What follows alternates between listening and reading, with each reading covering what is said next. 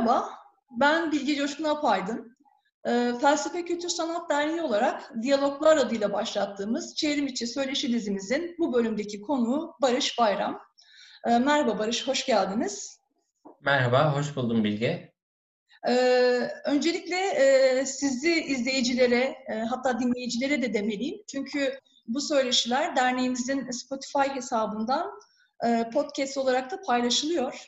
E, tanıtmak istiyorum, tanıtmak isterim. E, siz aslında bir e, e, serbest, bağımsız blog yazarısınız ve felsefe, ayrıca çeşitli interdisipliner içerikler üretiyorsunuz. Ayrıca da e, Türkiye Vegan Derneği'nin bir üyesisiniz. E, ve bugünkü söyleşimizde de e, sizinle vegan sözcüğünü e, ve e, ayrıyeten e, bu kavramsal boyutun dışında aktivizm boyutunda konuşacağız. Ki esasen sizinle yapacağımız bu söyleşi e, sonrasında veganizm ve hayvan hakları e, konularında farklı isimlerle yan yana geleceğimiz söyleşiler için de bir başlangıç olacak. E, ve sözcükle başlayalım öyleyse. Bu sözcük 1944 yılında ilk kez kullanılıyor, vegan sözcüğü. The Vegan Society'nin kurucularından Donald Watson ilk kez kullanılıyor, kullanıyor ve onun yaptığı tanımı tam olarak okumak istiyorum müsaadenizle.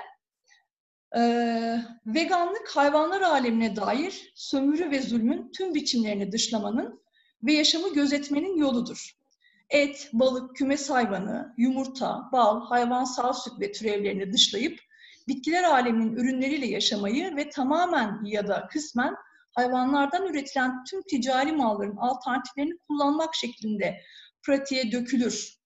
E, tanım tam olarak bu şekilde veriliyor. Ve yine e, bu e, topluluk e, 1979 yılında bu tanımla ilgili bir güncelleme yapıyor. Bu güncellemeyi de e, doğrudan web sayfalarında bulunduğu haliyle paylaşmak istiyorum.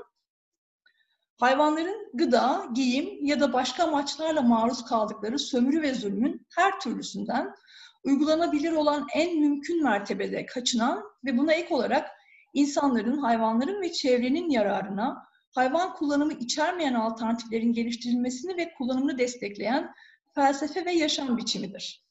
Beslenme söz konusu olduğunda hayvanlardan tamamen veya kısmen kısmi olarak elde edilen ürünlerin reddedilmesini ifade eder. Evet mevcut olan hala da geçerli olan güncellemeleri bu şekilde. Şimdi 79'da bir güncelleme yapılmış olsa da tanıma ilişkin 44'te e, ilk kez kullanılan bu sözcük şu anda yaklaşık olarak 76 yaşında. E, ben de size bu 76 yaş süresince kavramın içerik olarak da aynı zamanda geçirdiği bir evrim söz konusu mu? E, bunu sormak istiyorum. Hatta bu sorum içerisinde sizin kendinizin bir tanımlaması veya kullanmayı tercih ettiği bir tanımlama ve daha pozisyon aldığınız, olumlu yanında pozisyon aldığınız yaklaşımı da duymak isterim. her ikisine de aç, açmanızla başlayabiliriz öyleyse. Teşekkür ederim Bilge. verdiğiniz tanım benim için de çok değerli. bir kurucu nitelik taşıyor aslında. pek çok vegan içinde büyük ölçüde geçerli olduğunu düşünüyorum. Hı hı. Bu süreçten bahsedersek yani veganlığın anlamı ya da bir bireyin kendini vegan olarak ifade ettiğinde neyi kastettiği ile ilgili anlamların ne tür farklılıklara karşılık geldiğini şöyle anlatabilirim sanırım. Bir bölümleme yap, yapacağım. Birincisi bu tanımda da büyük ölçüde vurgulandığı gibi hayvan merkezci bir yaklaşım. Watson'ın tanımı ve güncellenen yine tanımında gösterdiği gibi. İkincisi de insan merkezci veganlık ve vegan etikler diyebileceğimiz yaklaşımlar olduğunu düşünüyorum. Birinci yaklaşımın adını koyarsak diğerlerinden ayırt edebilmek açısından hayvan merkezci veganlığı etik veganizm olarak ifade edebiliriz diye düşünüyorum. Hı hı. Ve etik veganizm etiği diyebileceğimizi düşünüyorum.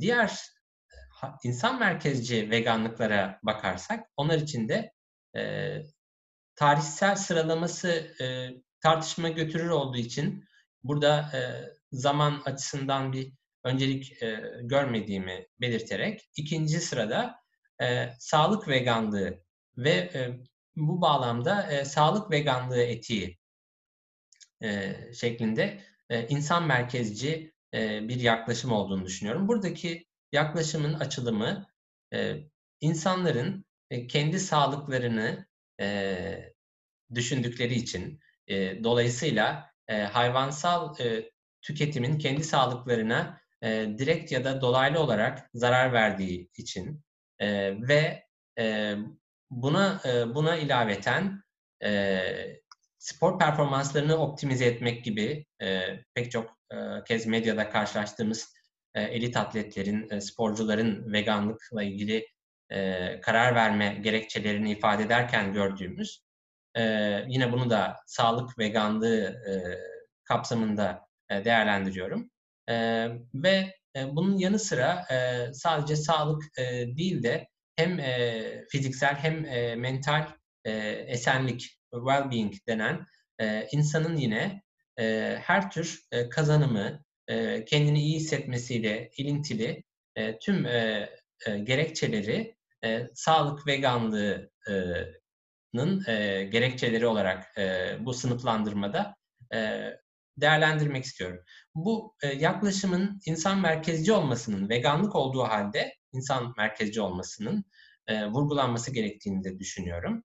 E, eğer e, kavramsal ve e, kuramsal bazı e, sağlamlıkları inşa etmekte e, en temellerden bir sorgulamaya e, yöneliyorsak, e, felsefe e, çalışması yapıyorsak, elbette gündelik hayatta e, bu tür ayrımlar e, yani şöyle bir örnek vereyim daha sıradan bir ifadeyle e, karşınızdaki insana sen sağlık veganı mısın, sen etik vegan mısın diye bir e, veganla karşılaştığımızda sormak ve bu ama insan merkezci, bu hayvan merkezci gibi e, diyaloglar gündelik hayatta çok karşılaşabileceğimiz diyaloglar değil. Ama burada e, gündelik hayatın da içererek de olsa daha da e, fazlasını e, ele almayı e, vaat eden bir e, söyleşi e, denediğimiz için e, burada e, bu ayrımı koymayı e, açıkçası gerekli gö- görüyorum. E, buna katılmayan veganlar da elbette var.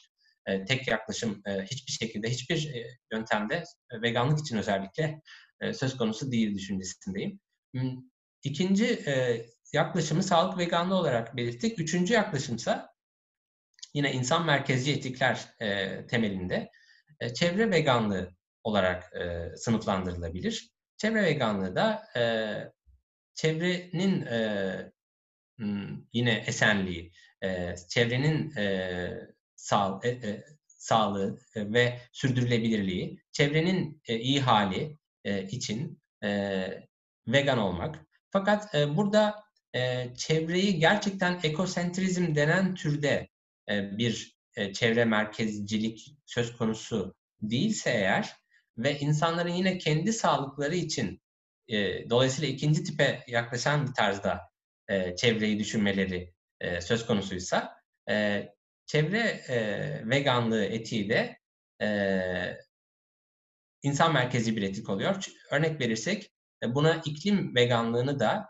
ve sürdürülebilirlik veganlığı diyebileceğimiz daha geç başlayan en yakın dönemli veganlığı da e, katarak söylüyorum ki e, çevre e, veganlığı e, yine e, insanın e, hem yakın dönemli hem de daha uzun dönemi kapsayan kendi yaşamına, hayatta kalmasına ve yaşam şartlarının iyi olmasını garanti edebilecek ya da bu olasılıkları yükseltecek bir takım sistemleri, doğanın bu amaçlara hizmet edecek şekilde düzenlenmesini sağlayacak e, çevre düzenlemelerini e, e, esas alan bir insan merkezli yaklaşım olarak karşımıza çıkıyor. Burada ne tür bir bağlantı var denirse, sağlık veganlığında nasıl ki bahsettik hayvansal ürünler bir gıda olarak görülüp ancak insan sağlığı için bitkisel alternatiflere ya da bitkisel bitki bazlı gıda seçeneklerine kıyasla ciddi dezavantajlar yarattığı için e, birçok insan e, sağlık veganı oluyorsa aynı şekilde e, hayvansal ürünlerin özellikle beslenme ihtiyaçlarımızı ya da beslenme taleplerimizi, tüketimlerimizi karşılamak üzere ve yine özellikle ama sadece değil endüstriyel e, hayvancılık, hayvan çiftlikleri diye de ifade edilen yaklaşımlarda e, çok fazla e, karbon e, ayak izi bırakıldığı, e, sera gazı emisyonlarının e, arttığı ve e, dolayısıyla e, çok ciddi ölçüde ekolojik e, bir e, zarar verme e, ve bizim başımızı, insanların da başını e, biz derken e, derde sokan bir e, sonuçla karşılaştığımızı dolayısıyla yine insanın, insanlığın ya da insanın kendi sevdiği e, çevresindeki insanların e, iyi halini e, istemesinden kaynaklı bir e, üçüncü tip olan e, çevre veganlığı etiği e, ile karşı karşıyayız ki buna yine bahsedelim e, yani ara, arada kaçmasın diye. Ekolojik vegan veganlık da e, denebilir. Fakat e, burada ekolojik veganlık e, derken yine az önce ekosentrizme e, vurgu yaptığımız gibi e, şöyle bir ayrım da söz konusu. Yani burada hem insan merkezci hem hayvan merkezci e, olan, bunları bütünleştiren, holistik, e, bütüncül bir yaklaşım içerisinde gören e, ekolojik, dolayısıyla tam olarak da insan merkezci diyerek kesip atamayacağımız, haksızlık ettiğimizi düşüneceğim bazı yaklaşımlar da var. Dolayısıyla bu temel sınıflandırmayı çok katı ve her şeyi e, kapsayan bir yaklaşım olarak değerlendirmek bile bazı yaklaşım hatalarına yol açabilir düşüncesindeyim. O yüzden bunu da mutlaka belirtmek istedim. Bunların dışında bir de bu üçlü sınıflandırmaya pek dahil edebileceğimizi düşünmediğim halde dördüncü tip dediğim e, statü veganlığı gibi bir yaklaşımda az da olsa bahsetmeye değer diye düşünüyorum. Çünkü insanlar yine evrim psikolojisinden de bildiğimiz veya eğer kabul ediyorsak bu tür çalışmaları statü kazanma e, güdüsü olan e, varlıklar. E, dolayısıyla e, eğer veganlık e, statü getirebiliyorsa ya da statü artışı sağlıyorsa insanlar bunu e, bir e, araç olarak görüp e, vegan olduklarını e, ya da böyle bir yaşam e, yaşamı, bir yaşam tarzı gibi sergileyebiliyorlar. E, bunların dışında bir de e, ikinci tip olan sağlık veganlığıyla e, Bilge e, daha önce de e, konuştuğumuz için elbette e, tam olarak e, neyi söyleyeceğimizi bilmesek de kısmen e, görüşlerimizi bildiğimiz için bu konuya da değinmek istiyorum. E, bitkisel beslenme e, konusuna da e, bu başlık altında e, değinmem gerektiğini düşündüm. Elbette bitkisel beslenme ile veganlık e, aynı kavramsallaştırma altında düşünülmemeli. Buna kesinlikle ben de katılıyorum. Bu konuda hassasiyetleri çok e, gönülden paylaşıyorum. E, ancak burada nasıl bir ayrım olduğunu belirtmek açısından bunu da bu dört tipin dışında, daha doğrusu üç tipin dışında e, kısaca e, değinmek isterim. E, e, bitkisel beslenme ise e, hayvansal beslenmeyi hayatından çıkaran, daha doğrusu hayvanları e, gıda olarak tüketmeyen e, ancak diğer kullanımları hayatında sürdüren e, yani e, örneğin hayvanların deneylerde kullanılmasına karşı olmayan ya da e, hayvanları giyen, e, giydiği giysilerde hayvanların kullanılmasına, eziyet görmesine, öldürülmesine hiçbir şekilde karşı olumsuz bir tavrı olmayan ve benzeri çok sayıda hayvan e, zulmü, e, acısı, sömürüsü içeren hayvanın metastatüsü olarak e, koyan yaklaşımlara karşı herhangi bir etik ya da değil e, karşı duruşu olmayan ancak sadece yine sağlık gerekçeleriyle büyük ölçüde e, ya da başka gerekçelerle, estetik gerekçelerle de olabilir ama bu biraz bitkisel sınırlamaya pek olası düşmüyor gibi düşünüyorum. Bir, bir, bir bireyin, insan bireyinin kendini bitkisel ürünlerle e, beslenme açısından sınırlaması anlamında bitkisel beslenme ya da bitki bazlı beslenme, plant-based dedikleri bir e, yaklaşımdan söz edebiliriz. Bunun sağlık veganlığından farkıysa sağlık veganları da hayvanların e, çektiği e, zulmü ya da bu adaletsizliği e, dile getirmek bakımından e, bir e, etik veganizm ölçüsünde hassasiyet sergilemeseler de e, hiç değilse e, veganlığın gerektirdiği pratikleri e, yani giyim e, ya da e, kozmetik e, gibi tüm alanlarda sağlık gerekçesiyle vegan olduktan sonra e, veganlık e, statüsünü, veganlık e, terimini e, gerçekleştirebilmek, kendilerinde somutlaştırabilmek üzere en azından e, buna uyum sağlamak durumunda kalıyorlar. Aksi halde kendilerini vegan olarak dile getiremiyorlar.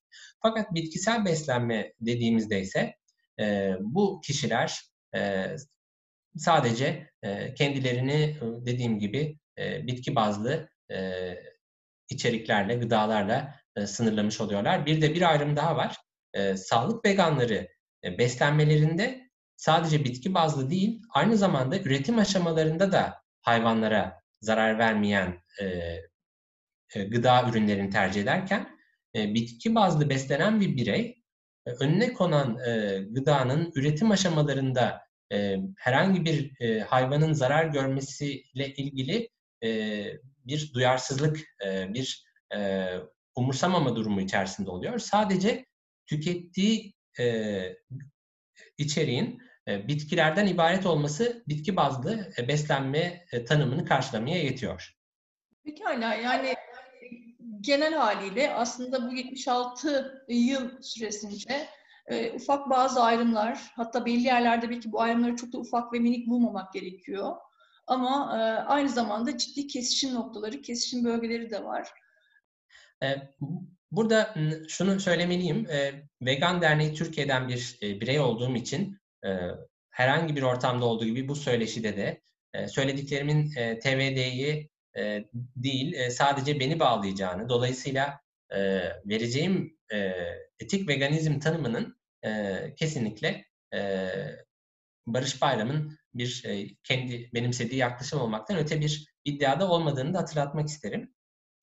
E, bir, özetle söylersem, e, not aldım tam olarak verebilmek için. E, insan dahil tüm hayvan türlerine ait e, her bireyin istisnasız olarak esenlik ve otonomileri açısından e, çıkarlarının gözetildiği, böylece e, global bir karşılıklı bağımlılık, interdependence ilkesi ve e, uzun erimli etkiler e, yeterince dikkate alınarak sosyal adaletin ve barış kültürünün gerçekleştirildiği e, hem sistemik hem de sistemik olmayan e, çabalar ve pratiklerle bu gerçekleşmelerin ilerletilmesinin e, bağımsız bir anlayışla öncelik edinildiği hak temelli bir mücadelenin temellendiği bir maruz kalan yöneltimli etik, patient oriented etik dediğimiz, etik dediğimiz bir etik şeklinde kendi yaklaşımımı özetle ifade edebilirim. Evet. Hayvan sorusuna gelmek istiyorum. Yani felsefede hayvan sorusu. E, şimdi e, Larus Büyük Felsefe Sözlüğü'nde hayvan sözcüğü e, Latince animalden hareketli varlık hayvan e, şu şekilde tanımlanmış. Tekil canlı var olan, kendi duyumsamalarının ve edimlerinin öznesi, kendi kendine duyusal ve motor yetilerini sergilemeye muktedir olmasıyla insana olan yakınlığında ve ne akla, ne dile, ne de tarihe sahip olmaması ise insana uzaklığında kavranır şeklinde. Bu noktada e, filozofların e, Barış, e, hayvan e, sözcüğüyle, onun tanımıyla, tarifiyle yeterince meşgul olduğunu e, düşünüyor musunuz soracağım. Ve e, bu anlamda insanlar ve hayvanlar için e, işe yarar bir felsefe mirasından bahsetmemiz e, sizce mümkün mü? E, buna ilişkin değerlendirmelerinizi almak istiyorum. Elbette Bilge bu çok önemli bir soru. Hayvan sorusu olarak da son yıllarda gitgide ele alınmakta. Ben de çok kıymet atfediyorum.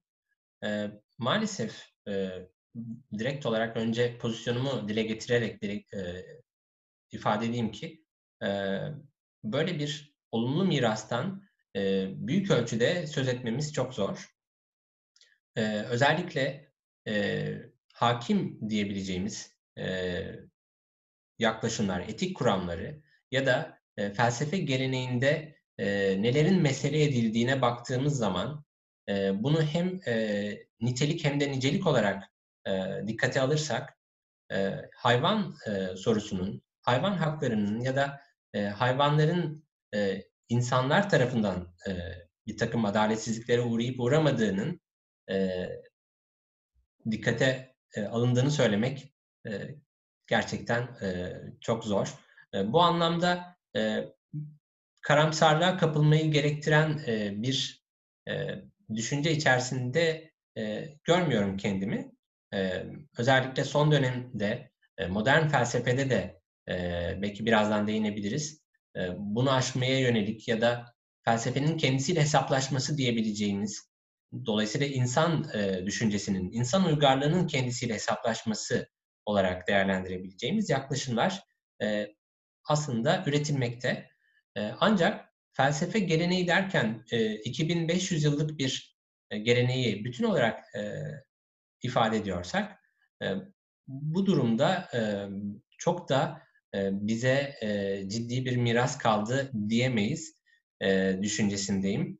Örneğin e, vegan teriminin tanımı bile e, 1944 e, ve henüz orada e, karşımıza tarihsel olarak baktığımızda halen vegan etiği e, diyebileceğimiz sağlam kurulmuş e, bir yaklaşım e, söz konusu değil. Burada e, bir e, garabet var. Yani bir orantısızlık var.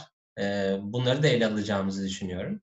E, ama e, şimdi soruya dönersem tekrar, e, şu, şu noktayı e, öncelikle belirtmem gerekiyor.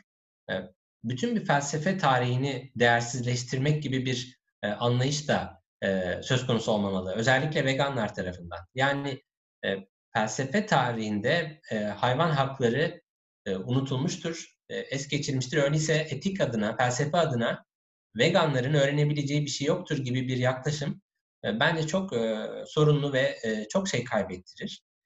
Bununla birlikte e, yine bu söyleşinin kapsamı açısından da e, hangi felsefeciler e, ne ölçüde katkı yapmıştır? Felsefeleri de e, veganlık açısından olumlu olumsuz e, nelere değinmeliyiz? Bununla ilgili bir çalışmada e, en azından süre bakımından e, bu çalışmayı, bu e, sohbeti aşacaktır diye düşünüyorum. O yüzden e, girmek de e, haksızlık olacaktır diye düşünüyorum. Örneğin e, belli başlı e, egemen e, felsefe e, anlatılarından e, yola çıkarsak e, Aristoteles'in e, hayvanları insanla aynı ontolojik statüde değerlendirmemesi bile e, Aristoteles mirasının e, çok etkin olduğu yüzyıllarda, bin yıllarda e, bu süreci e, kısmen de olsa belirlemiş ya da hiç değilse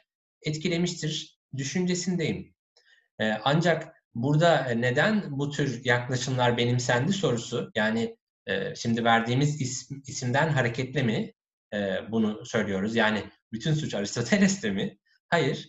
E, çünkü e, dönemin e, kabul edebileceği görüşler ya da belir, belirli bir görüşü savunabilmek için gerekli olan e, bilimsel veriler ya da argümanların, akıl yürütmelerin geldiği seviye o tarihsellikte e, neredeydi? Bunları çok iyi görmek gerekiyor. O yüzden e, hayvan sorusunun artık sorulmaya başlanabildiği dönemden itibaren e, bir felsefe mirası, yani çok yakın dönemli bir felsefe mirasından faydalanmamızın e, daha önemli olacağını e, düşünüyorum. E, yine e, bir örnek vermem gerekirse, e, birkaç örnek daha, yani her şeyi Aristoteles'te bırakmak açısından e, olmasın diye. Spinoza çok değer verdiğim bir felsefeci ama etikada e, insanların hayvanları insan çıkarları uğruna e, sömürmekten, onlara acı vermekten kaçınmasının e, akla uymayan e, bir duygusallık, bir hata, bir yanlış olduğunu, etik açıdan e,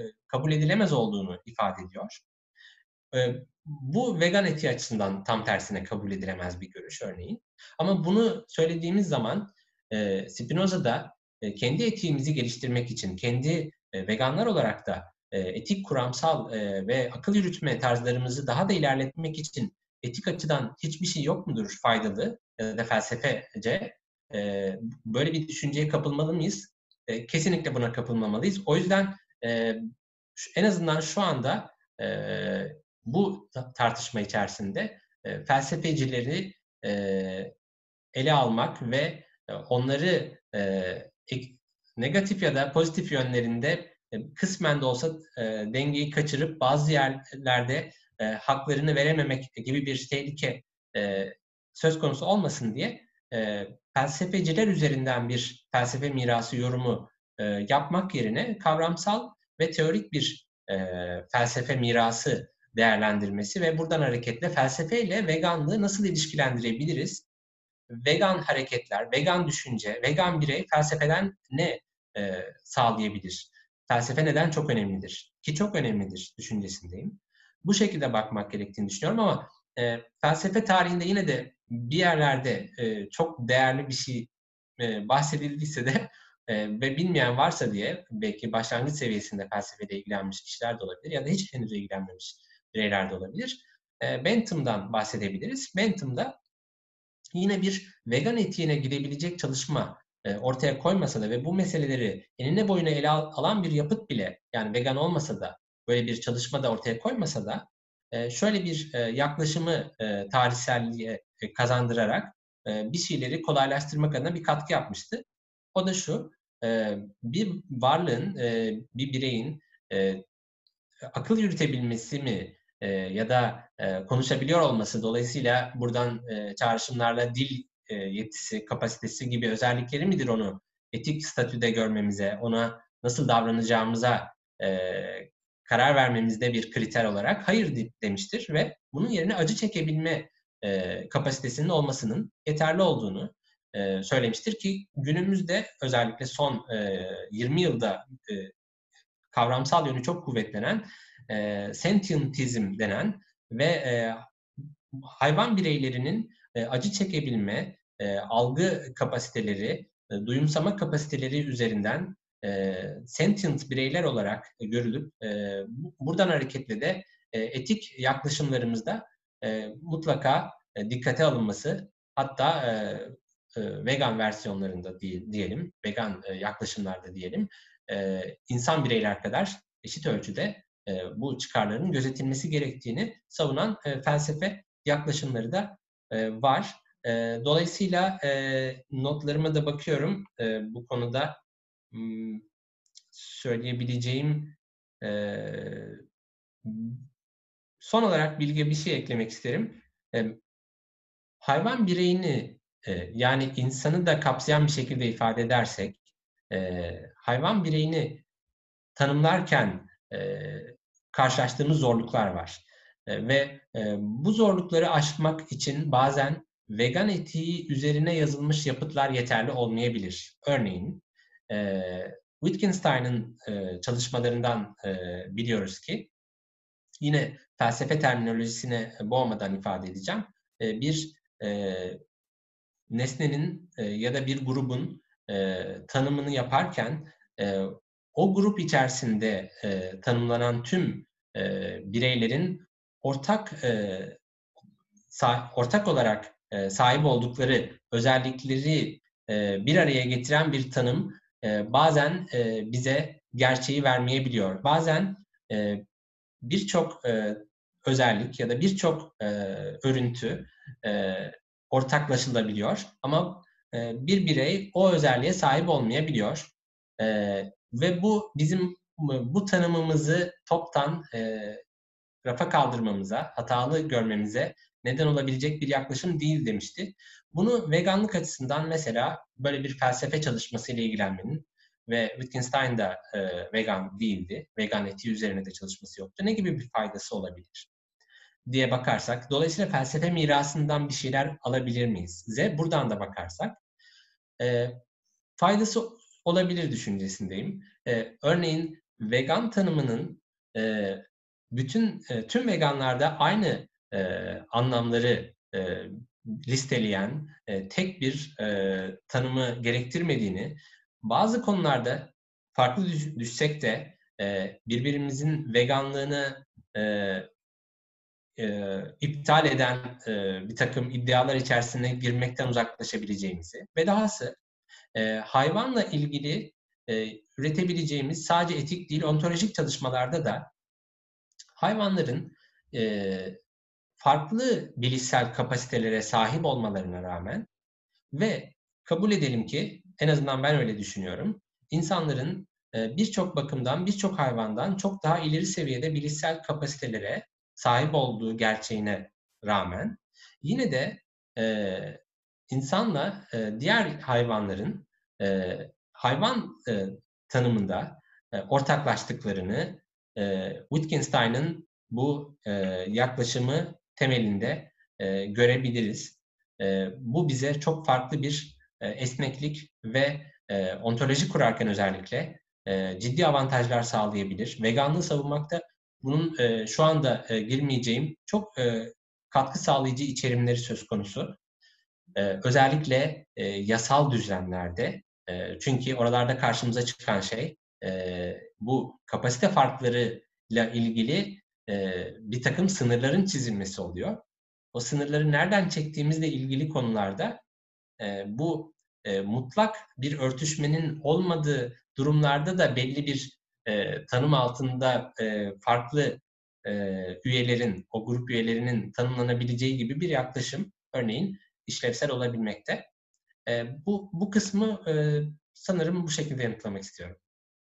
Ee, teşekkür ediyorum. Açıklamalarınızda sizin işaret ettiğiniz husus benim için önemli. Yani e, hangi filozofun e, neyi ifade ettiğini söylediğinden öte aslında hem e, bir özne olmak bakımından hayvan hem e, hayvan olmanın neliği konulu. Bundan daha da öte e, özne, hak, adalet kavramlarının kendi yaşadıkları hikaye, kendi yaşadıkları evrim e, açısından felsefenin e, bir mirasını ben de e, konu etmek istedim.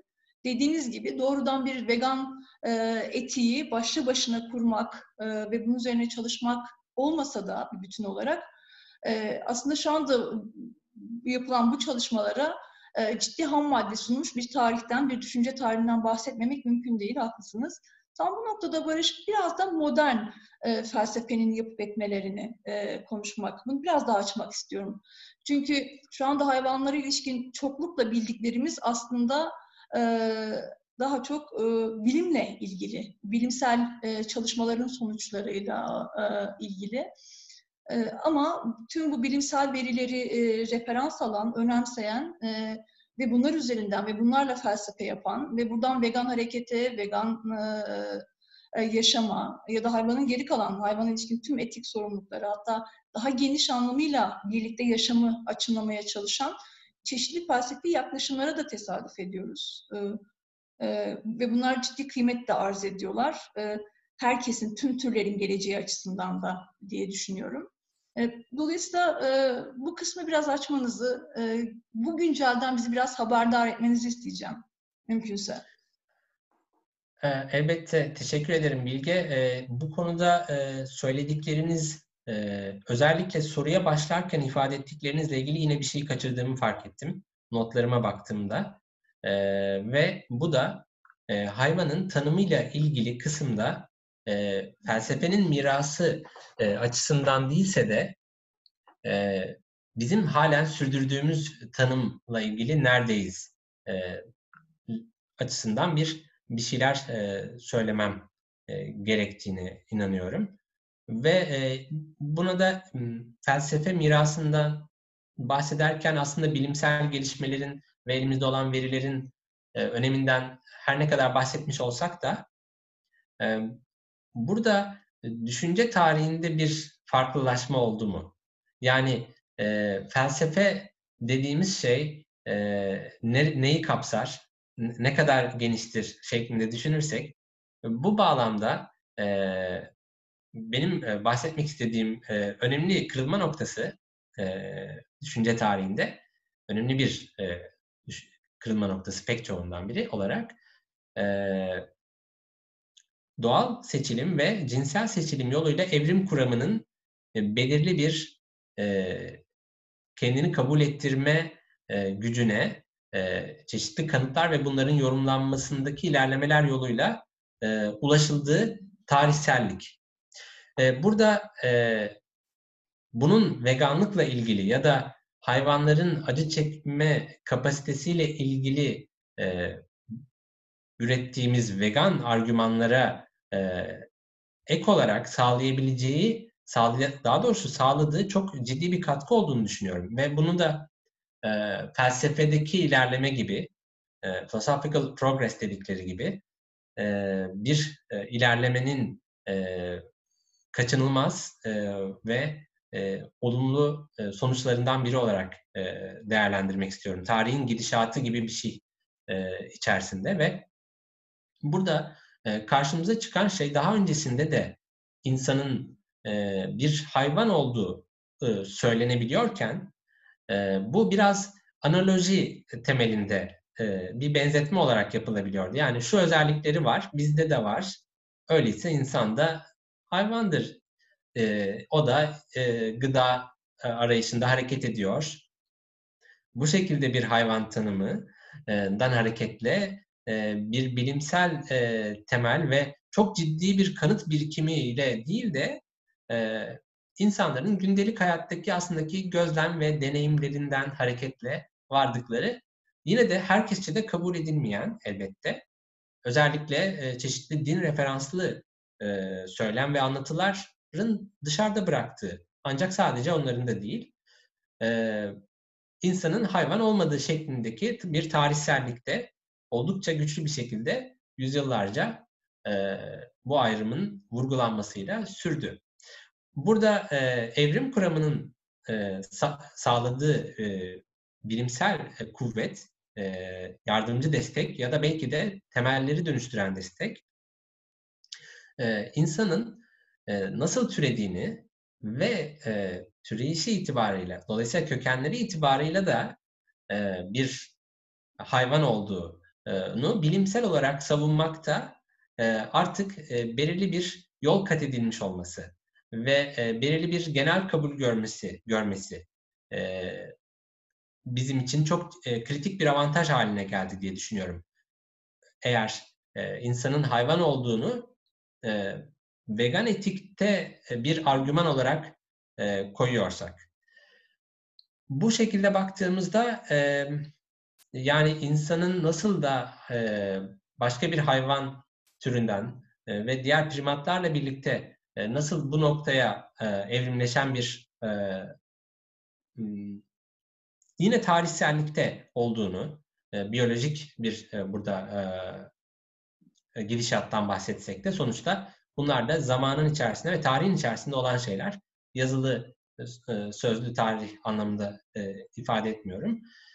E, bu, bu noktada insanın hayvan olduğu tezinin artık etik bir e, bağlamı güçlendiren bilimsel bir e, zemin e, sağlamasıyla e, seküler bir etik içerisinde de e, hayvanları e, hayvanların haklarını savunmak anlamında e, elimize bazı argüman bileşenleri geçmiş olduğunu düşünüyorum.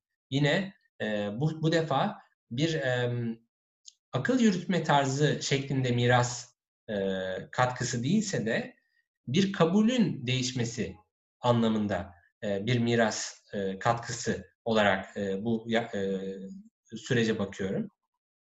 Ve e, Darwin e, öncesinde de evrim kuramı e, aslında pek çok şekliyle e, ileri sürülmüşse de yine bunlar da analoji olmasa da e, kanıta dayanmayan e, ve yet, daha doğrusu yeterince kanıtlanamayan, e, yeterince bilimsel açıdan dikkate e, değer görülmeyen kredibilitesi e, argümanın e, tüm bileşenleri dikkate alındığında, tüm kriterlerle bakıldığında bilimsel çalışmalara göre, bilimsel, bilimsel çalışmalardan beklenen kriterlere göre bakıldığında yeterli bulunmayan bir noktadayken bu e, andan itibaren doğal seleksiyon ve cinsel seleksiyon e, e, yoluyla e, insanın e, evriminin e, e, insanla diğer hayvanlar arasındaki o çok abarttığımız e, ve e, pek çok söylem alanında da e, karşımıza çıkan ve ayrımcılığın aslında temellerinden birini sağlayan maalesef e, kabuller yoluyla. Dolayısıyla bizim e, belki orada etik bir pek çok e, durum için geçerli olabilecek bir şey söylemek istiyorum. E, insanın etik bir yetersizliğinden değil de bilgisel bir e, dayanaksızlığından kaynaklanan e, hatalı çıkarımları söz konusu olduğunda en azından hayvanı e, gözetmekte çok ciddi bir avantaj sağladığını ve dolayısıyla felsefenin bu noktadan sonra bu tür şimdi birkaç e, ekleme daha yapacağım e, evrim kuramına. E, etolojik e, bize e, katkılar sağlayan e, yani hayvan davranışlarının nedenselliğini e, çok daha iyi anlamamızı sağlayan e, ve e, yine hep reddettiğimiz e, az önceki tanımda da gördüğümüz gibi hayvanların bir kültürü olmadığı iddiamız, e, varsayımımızın çürütüldüğü ya da hayvanların sosyal hayatlarının olmadığı e, iddiamız, varsayımımız biraz da bunlar hep insanların kendi sürdürdükleri yaşamı e, meşrulaştırmak için uygun olan ve çok ciddi ölçüde sorgulamadıkları kabuller şeklinde karşımıza çıkıyor hep. E, ve bu buradan hareketle de şunu biraz düşünebiliriz. Felsefenin gelişimi ya da e, uygarlığın ilerlemesiyle ilgili de e, hem kuramsal hem de e, daha e, geniş kapsamlı düşündüğümüzde tüm bilgi türleri için insanın e, keşif tarzlarının, arayışlarının ya da sorgulamasındaki ciddiyetin bu tür aslında kendi statükosuna ne kadar uyduğuyla da çok kritik bir ilişki içerisinde olduğunu da buradan hareketle görebileceğimizi, en azından sezebileceğimizi öne sürmek isterim. Burada e, sadece e, insan e, dışı, insan olmayan ki ben bunun için biraz daha kolaylaştırıcı olsun diye e, na insan gibi bir e, terim kullanıyorum bazen. E, hem söyleme açısından uygun geliyor ama diğer ikisini de kullanmakla beraber hem de olmayan dışı terimlerinde de e, Türkçe'de yerleşmiş e, başka e, e, ayrımcı demeyeyim ama e, yine negatif çağrışımlar e, getirebilecek yaklaşımlara kıyasla biraz daha e, ilk etki açısından sözcüğün bir bireyle temasında daha tercih edilesi olduğunu düşünmeye başladım. Son birkaç aydır bunu yapıyorum. E, na insan hayvanlar için dersem bu durumda felsefe mirasını ve bilimi yeniden düşünme anlamında ve bu buradan hareketle de etiğin e, etik olanın ne olduğu e, ve etik e, yaklaşımlarımızı gözden geçirme anlamında çok ciddi bir dönüşüm söz konusu olduğunu ve bunun da o yüzden ancak belki 150 yıllık, belki daha kaliteli yaklaşımları felsefece düşünürsek 50 yıllık, 30 yıllık bir geçmişe dayandığını ifade etmek isterim. Buradan e, sonra, bunun sonrasında da e, tekrar e, yönelttiğiniz ikinci soruya dönersem Bilge. E, bahsetmek istediğim, e, not aldım, oraya bakacağım bu defa. E, Oxford Üniversitesi'nden e, felsefe e, profesörü, etik e, alanında uzman e, Floridi e, bir adlı bir e, çok değerli gördüğüm bir e, aktif e, felsefeci e, benim çalışmalarımı çok etkiledi. Kendisinin etik veganizmle herhangi bir bağlantısı yok. Vegan değil bildiğim kadarıyla. Ancak e, etikle ilgili, etik kuramla ilgili e, çok ciddi felsefece e, özgün katkılar sağladı. Ve bunlar veganizmde işimize yarayabilir diye düşünüyorum. Tıpkı daha önce bahsettiğimiz Wittgenstein örneğinde olduğu gibi e, veganlığın felsefeden e, çok şey e, kendi amaçlarına yönelik e, samimi bir şekilde elbette e, kullanabileceğine inanıyorum. E, ne, ne tür bir yaklaşım getirdi? E, ya da neleri iyi bir şekilde düşünce tarihine eklemlemekte Floridi. İki yaklaşımını e, çok önemli bulmaktayım. Birincisi e, kendi tanımımda da bahsettiğim e, maruz kalan yöneltimli etik e, dediğim e, tanımı e, bize daha sağlam bir şekilde kurmuş olması. İkincisi de e, sorumluluğun nasıl ifade edebilirim? Bir saniye.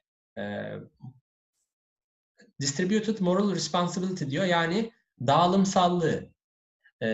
Bir bazen ortaya çıkan çok sorunlu bir davranışın, bir etkinin ve bundan e, zarar gören bir bireyin e, suçlusunun tek bir suçludan e, ya da tek bir sorumludan ileri gelmemesi ve bunun aslında pek çok bireyin küçük küçük e, minör dediğim yanlışlarının birleşip son, sonrasında böyle bir olumsuz, adaletsiz ya da onun ölümüne yol açan bir hayvanın e, ya da acı çekmesine yol açan bir etki üretebildiği şeklinde kullanabileceğimiz yaklaşımı yani bir eylemin sadece bir faille düşünüldüğü ve etiğin daha ziyade bu etkileşimler ağı içerisinde bir sorumluluğun dağıtılabileceği, elbette eşit dağıtılması da gerekiyor demiyor. Yani birinin daha büyük bir katkısı olabilir. O zaman sorumluluğu daha fazla olur. Ya da onu e, etkileyen koşullar e, çok daha farklı bir e, zorlayıcılık kapasitesine sahiptir. O zaman e, belki bunu dikkate aldığımızda daha az sorumlu olur. Yani e, coercion denen zorlama e, etkisi altındaysa burada ortaya çok farklı bir değerlendirme çıkabilir. Yine bunu da kesin olarak koymuyorum. E, her durumun kendi e, benzersiz e, şartlarını dikkate almayı savunan bir etik yaklaşımdan bahsediyorum. E, bu şekilde e, değerlendirdiğimiz zaman e, etik kuram ve etik argüman üretmeyi felsefeden e, çok şey alabileceğimize e, inanıyorum. E, ve e, hemen notlarıma bakıp e, yine açmayı unuttuğum bir şey. E, maruz kalan yöneltimliyle neyi kastediyoruz? Maruz kalan yöneltimli etiğin e, bir e, sınıflandırma e, formu. Patient Oriented Ethics diye e, aslı ifade edilmekte İngilizce'de. Ve neye karşı, neyle ayrım içerisinde bu e, modern felsefede e, son yıllarda çok yeni olarak hatta e, Dünya Sağlık Örgütü de kendi e, etik ve hukuk çalışmalarına, sağlıkla hukuku ilişkilendirdiği çalışmalarına bu yaklaşımları aşağı yukarı 5, en fazla 10 yıl içerisinde eklemlemeye başladı. Yani anmaya başladı. Daha eklemleme sürecinde çok da ileri gidebilmiş değil. ileri gidebilmiş değil. E, burada e, nasıl bir yaklaşım var ve neden ayırıyoruz?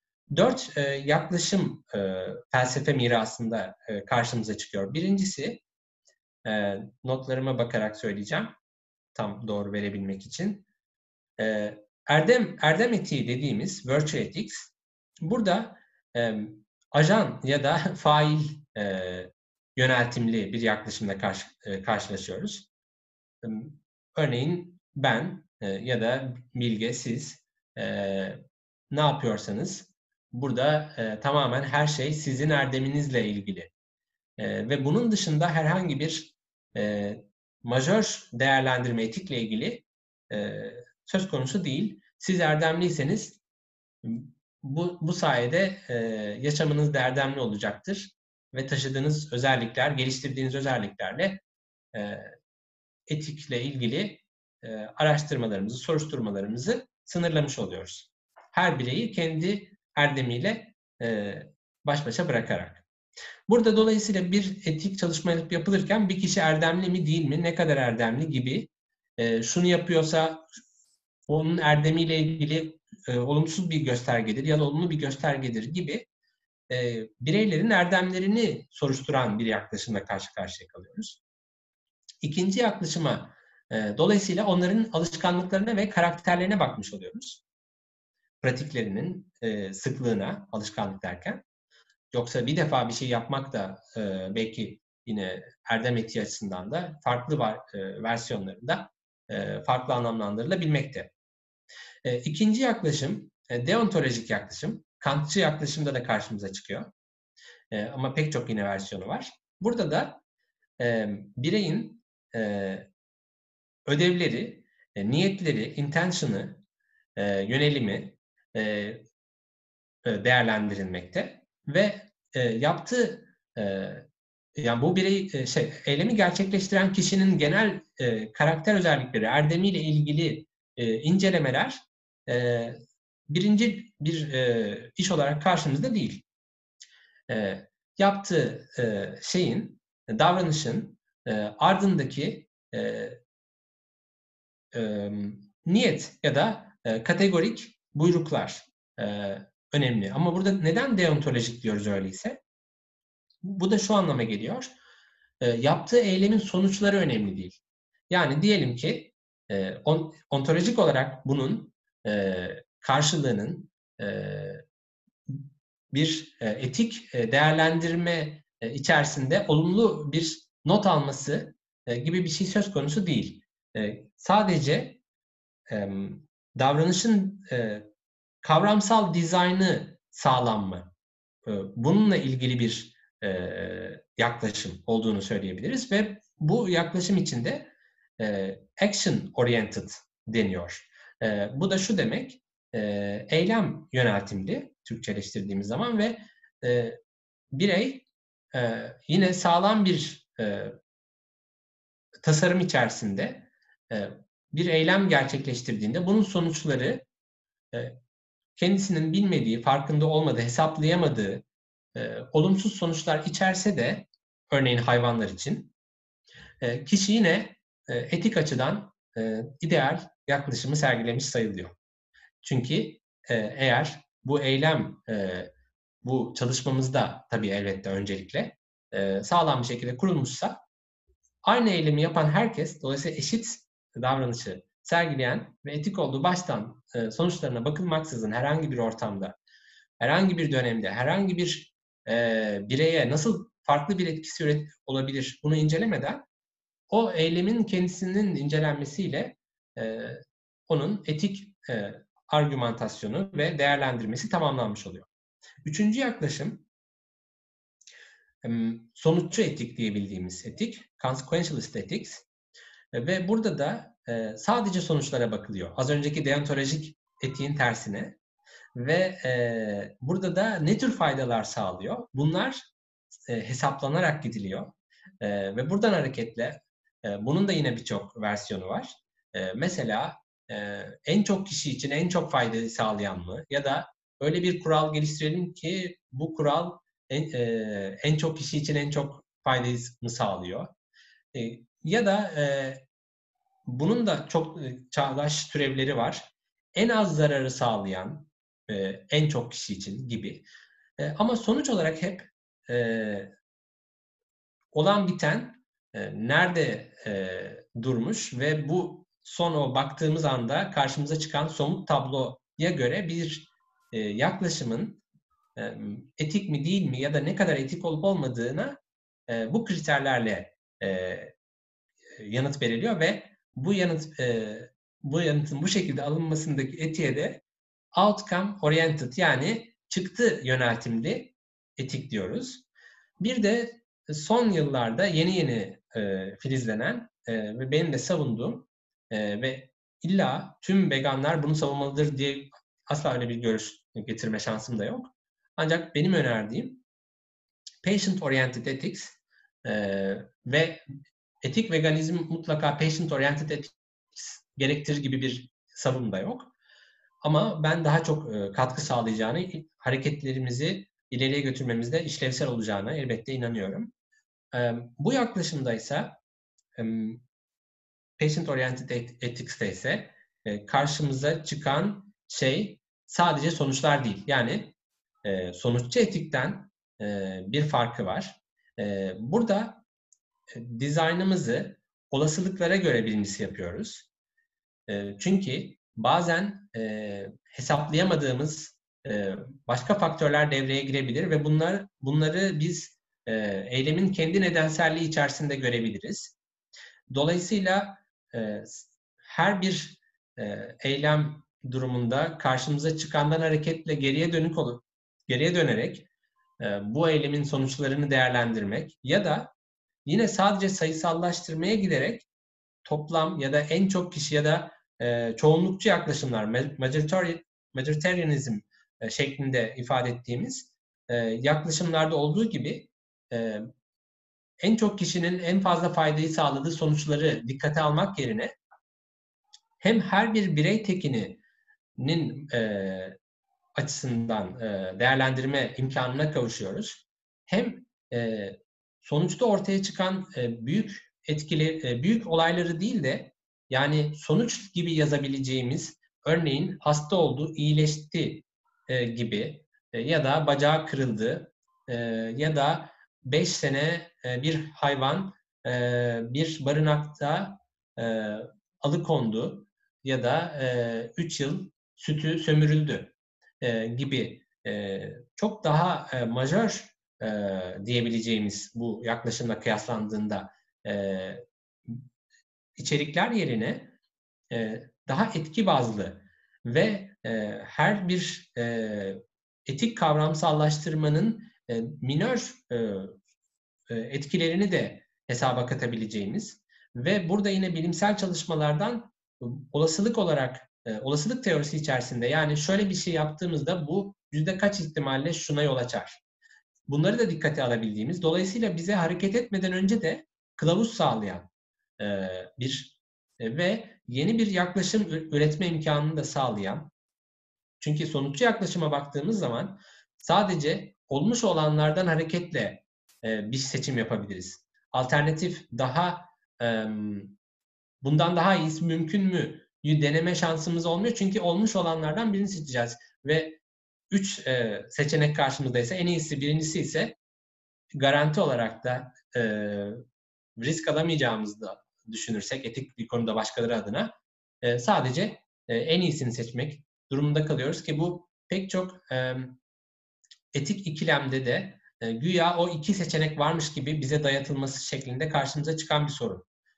E, ama e, olasılık ve etki bazlı düşündüğümüzde e, alternatifler üretme, tıpkı veganlıkla bizim sunduğumuz alternatifler gibi e, ve dolayısıyla buradan yararlanma şansımız olduğunu inanarak e, maruz kalan yöneltimli e, etiği e, savunuyorum ve mar- maruz kalan yöneltimli etiğin de son olarak e, belirtmek istediğim asıl ana noktası bu e, neye dayandığından ziyade her bir hayvan bireyinin neye maruz kaldığının e, etik açıdan asıl mesele oldu. Bu ne demek? E, bir hayvan bireyinin e, esenliği, özgürlüğü, e, mutluluğu, acıdan kaçınması, e, haz alması, sosyal ilişkilerinden aldığı belki keyif ya da ne, tür deneyimler e, varsa bunların herhangi birinin e, eksiltilmesi, e, maruz kalan yöneltimli etikte bizim için etik bir mesele edişin e, imkanını sağlıyor. Çünkü sadece bir eylemimizin e, örneğin marketten aldığımız bir ürünün bir hayvanın ölümüne yol açıp yol açmadığı gibi e, kendimizi sınırlayan e, ve başka e, hayvanlara yönelik na insan hayvanlara yönelik adaletsizlikleri değerlendirmemizi e, zorlaştırabilen, bunları ıskalayabilmemize yol açabilen, biraz da aslında kolayımıza gelen etik yaklaşımlardan ziyade bize çok daha sağlam bir e, mücadele imkanı veren e, kavramsal araçlar e, sağladığını düşünüyorum ki bununla ilgili olarak da yani bu dört tip etik yaklaşımdan yine etik veganizm içinde olmak üzere aynı zamanda etik açıdan neden maruz kalan yöneltimli etiğin daha bize katkı sağlayacağına yönelik çok kısa bir iki detay daha eklemek istiyorum. Birincisi e, bu noktada Barış bu e, tabii. katkıları e, tam da birazdan vegan hareketi de biraz değerlendirmeye alacağım bir iki soruyla. E, önemsemekle beraber e, örnekleme boyutunda süre hatırlatması yapmak zorundayım. Özel örnekleme kısmına ilişkin söylüyorum. Çünkü e, bahsettikleriniz gerçekten e, e, meseleye nasıl eklemlenebilir konusu oldukça mühim. Peki öyleyse çok kısa geçiyorum söylediğiniz gibi. Ee, elbette mantıklı bir e, süre e, yaklaşımı. E, birincisi çok katmanlılık. Bunun için de verebileceğim örnek ormansızlaştırma. Yani biz evimizde e, na-vegan e, bir, bir ürün tüketmediğimizde de ormansızlaştırmaya yol açan bir davranışımız örneğin ve tab- tabii ki bir birey tek başına tüm yaptıklarıyla ormansızlaştırmaya yol açamaz. Yine patient oriented ethics'e dönüyoruz. Yani e, maruz kalana e, nasıl bu işler varacak onları sağlayan bir yaklaşıma. Ve sonrasında bu ormansızlaştırma bazı hayvanlar için e, hayatı daha kötü kılıyor mu? Kılıyor. Kılıyorsa ya da diyelim. Bu durumda yaptığımız e, vegan e, sanırım az önce yanlış söyledim, na vegan dedim. E, vegan bir vegan olduğunu düşündüğümüz bir davranış aslında başka bir yerlerde hayvan bir hayvanın ölümüne e, katkı sağlayan bir e, etki üretmiş oluyor.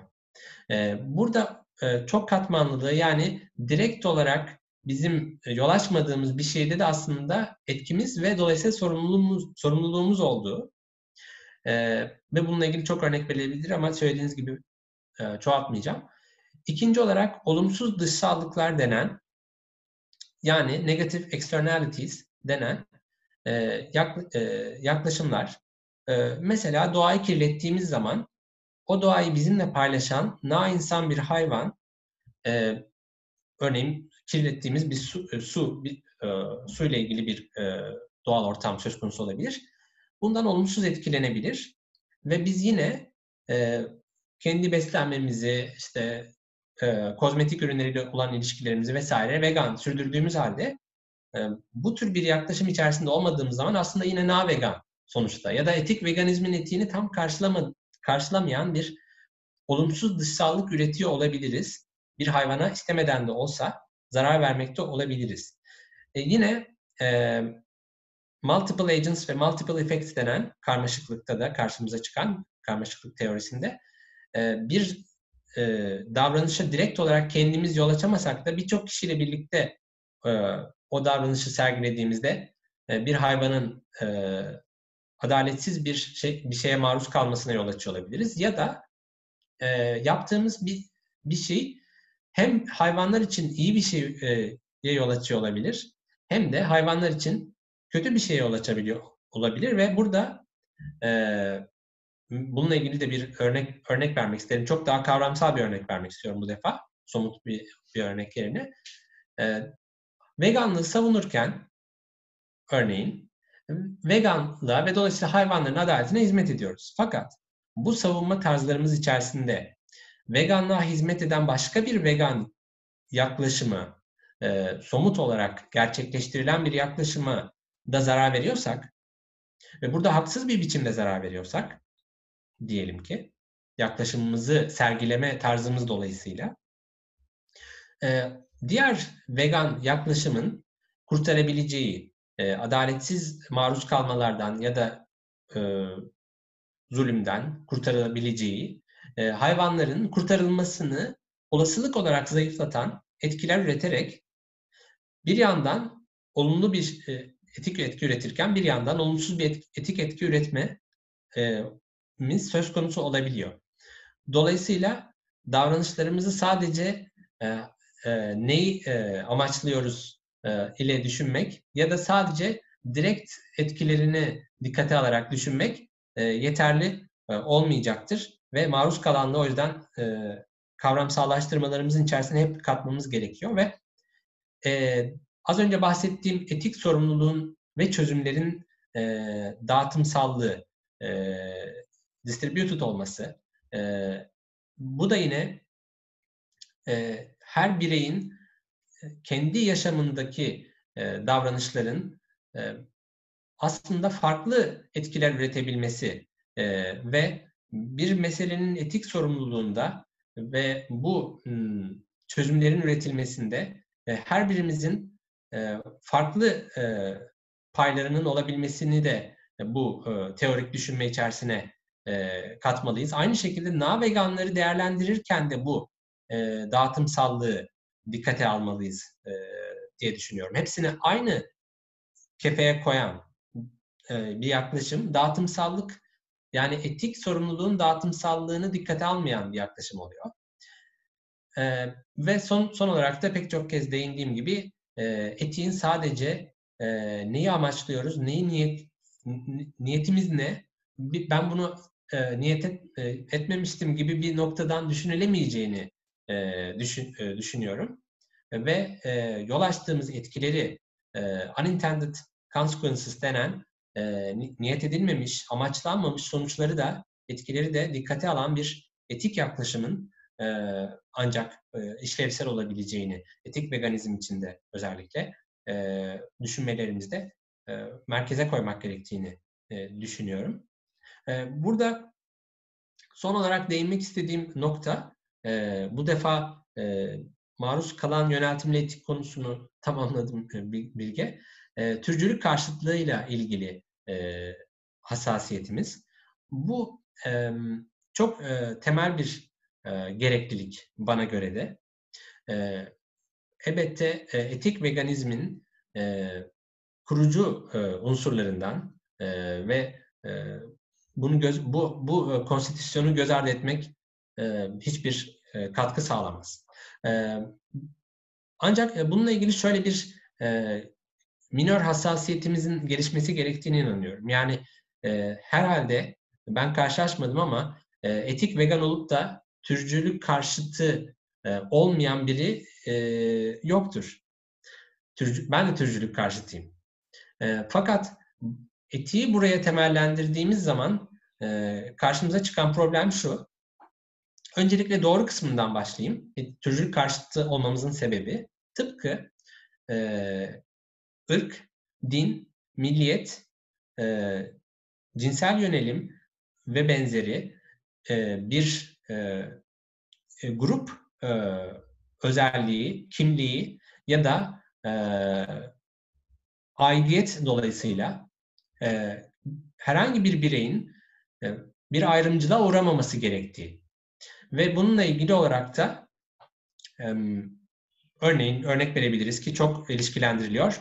İnsan köleliği, insanların insanlar tarafından köleleştirilmesi, sahip olunması ile ilgili ve bunun da daha ziyade e, farklı e, renk, ırk, tırnak içinde söylüyorum, e, bireylere uygulanmış olması bu adaletsizliğin maalesef tarihte çok uzun yıllar yeterince mesele edilememiş ve somut olarak da çözümü e, sağlanamamıştı. Halen bile bununla ilgili sorunlar daha düşük ölçekte de diyebilsek devam etmekte.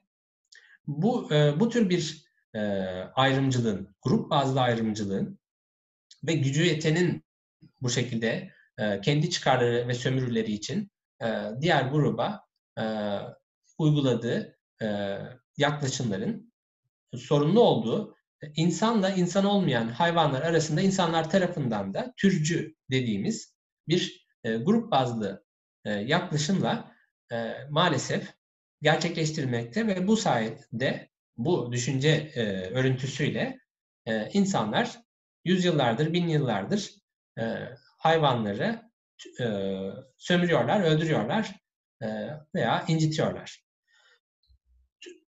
Türcülük karşıtlığı e, dolayısıyla etik veganizmin e, esaslarından biri.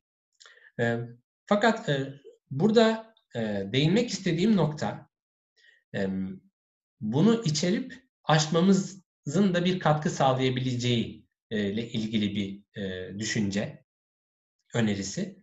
O da e, yine e, biz bunu yaparken son kertede felsefece düşünüyorsak, elbette gündelik hayattaki bir konuşmanın e, konusu olmayabilir bu. E, hayvan e, e teriminde ve tanımında ve grubunda dolayısıyla ve bu gruba üyelikte hayvan grubundan olmakta, insan olarak, inek olarak, kedi olarak ve e, burada bir e, eş üyelik olmasıyla biz bir etik mi kuruyoruz? Yani biz hayvanız, o yüzden tüm hayvanların e, hayvanları önemsiyoruz gibi bir nokta mı var? Yoksa daha gerilere gittiğimizde felsefede karşımıza çıkan miras, bahsettiğimizde Bentham'ın dediği gibi acı çekebilme e, gibi bir yine o maruz kalan yöneltimli etikte e, etiğin aslında e, kendi e, kurucu e, fikirlerinden birini bulduğu bir e, tarihsel yaklaşımla mı karşı karşıyayız?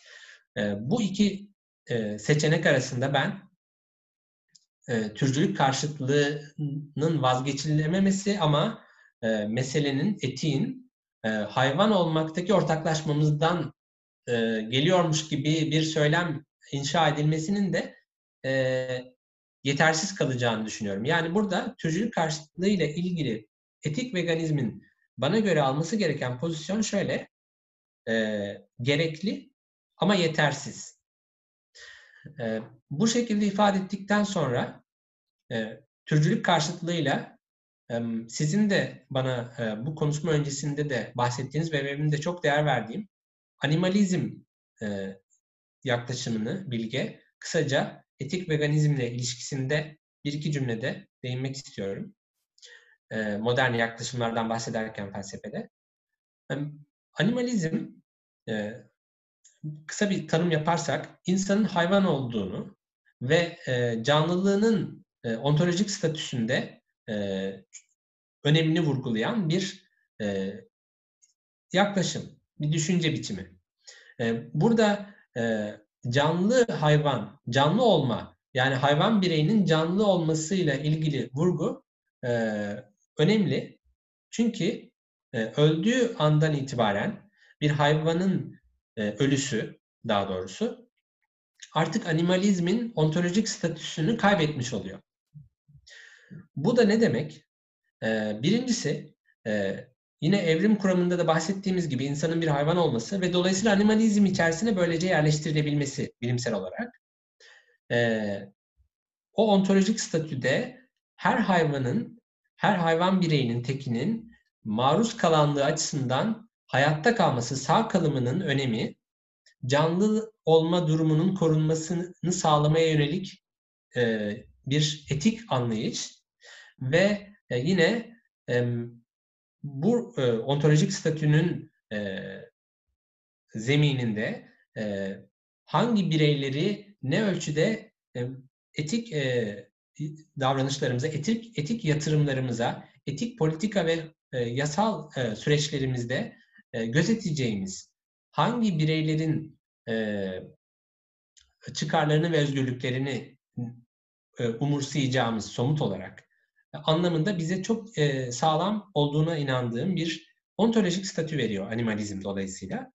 Yani felsefece bir inşa yapıyorsak animalizmi de türcülük karşıtlığı gibi gerekli ama yetersiz. Yani tek başına buradan etik kuramayız ama etik kuracaksak mutlaka bu olması gerekir anlamında e, bu kavramsallaştırmamıza e, dahil etmemiz gerektiğine inanıyorum. E, ve son tek bir cümleyle de e, şunu söylemek istiyorum. Animalizm dolayısıyla etik bir statü değil, ontolojik bir statü. Yani insan hayvandır ve bu yüzden dikkate alıyoruz. E, ve insanı dikkate alıp insan olmayan bir hayvanı dikkate almıyor değiliz gibi içerimleri olan bir yaklaşım ve e, bu anlamda bir sağlamlık sağlıyor ama buradan hareketle e, ne maruz kalanlığı garanti eden bir etik yaklaşımı ne de e, bir hayvanın insan olsun olmasın neden korumamız gerektiğini bize veren bir argüman zorunlu olarak çıkmaz. Bu noktayı da bu noktaya da değinmek isterim. Bunun dışında notlarıma bakıyorum. Bu kadar. Teşekkür ederim Bilge. Şimdi diğer soruya dilerseniz geçebiliriz. Pekala.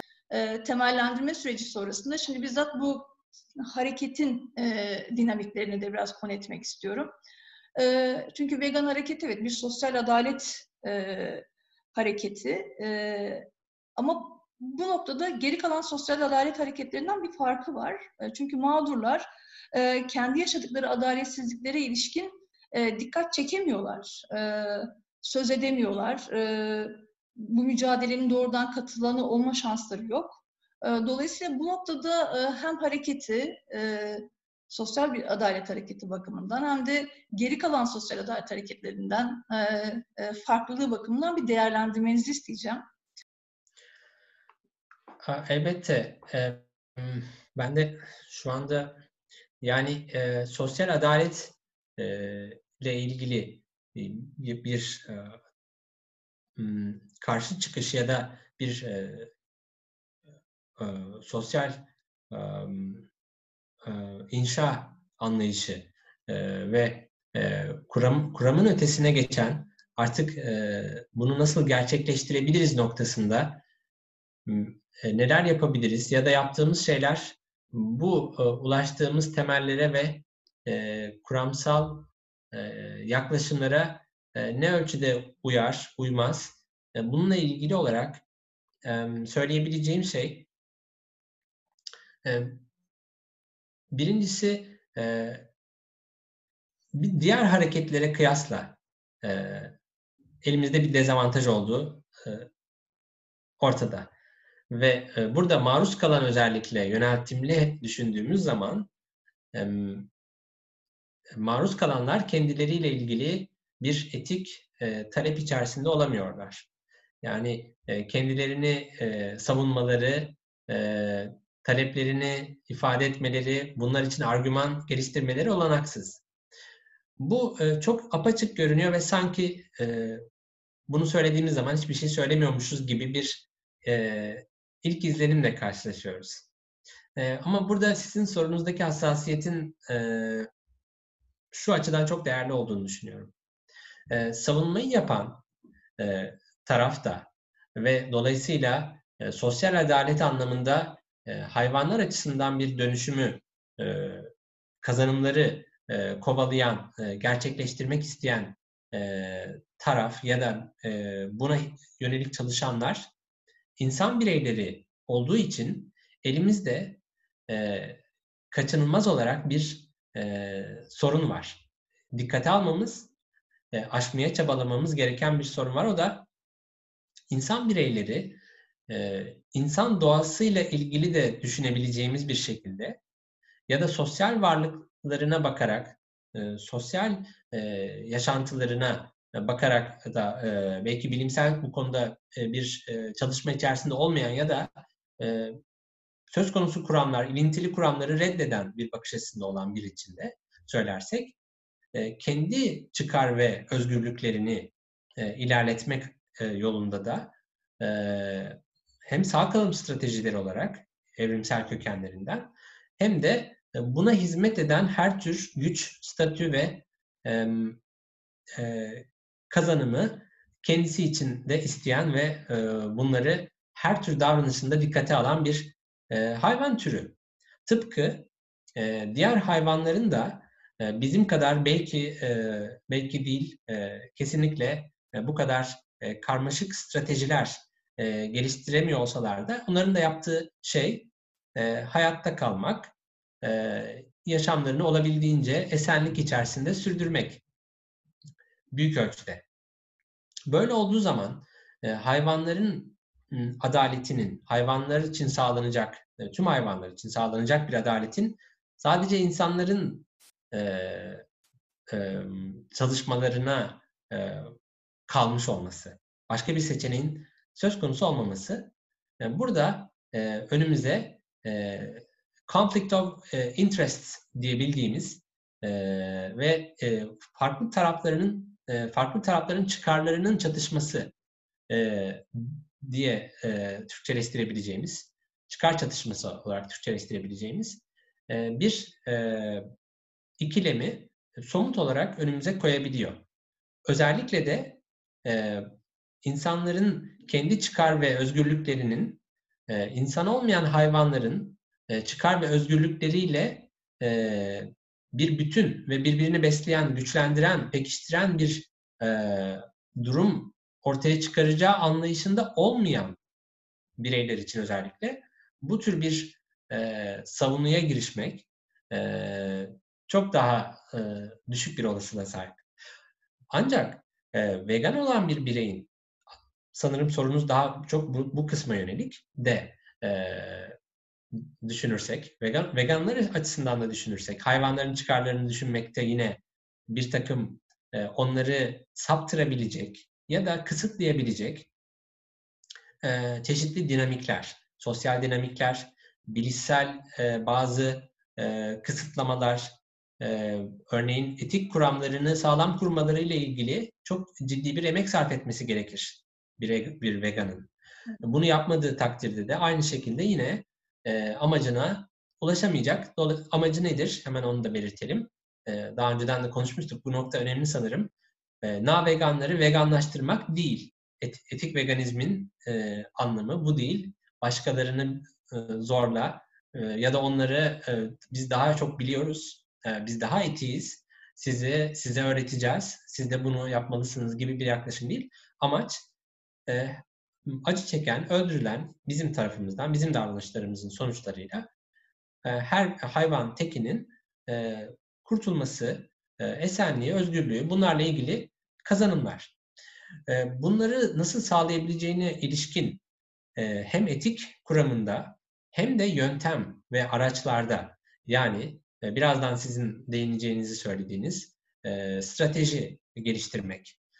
Bunun hangi strateji daha çok işe yarar? Hangi strateji belki de ters tepebilir ve bazı kazanımları geriletebilir?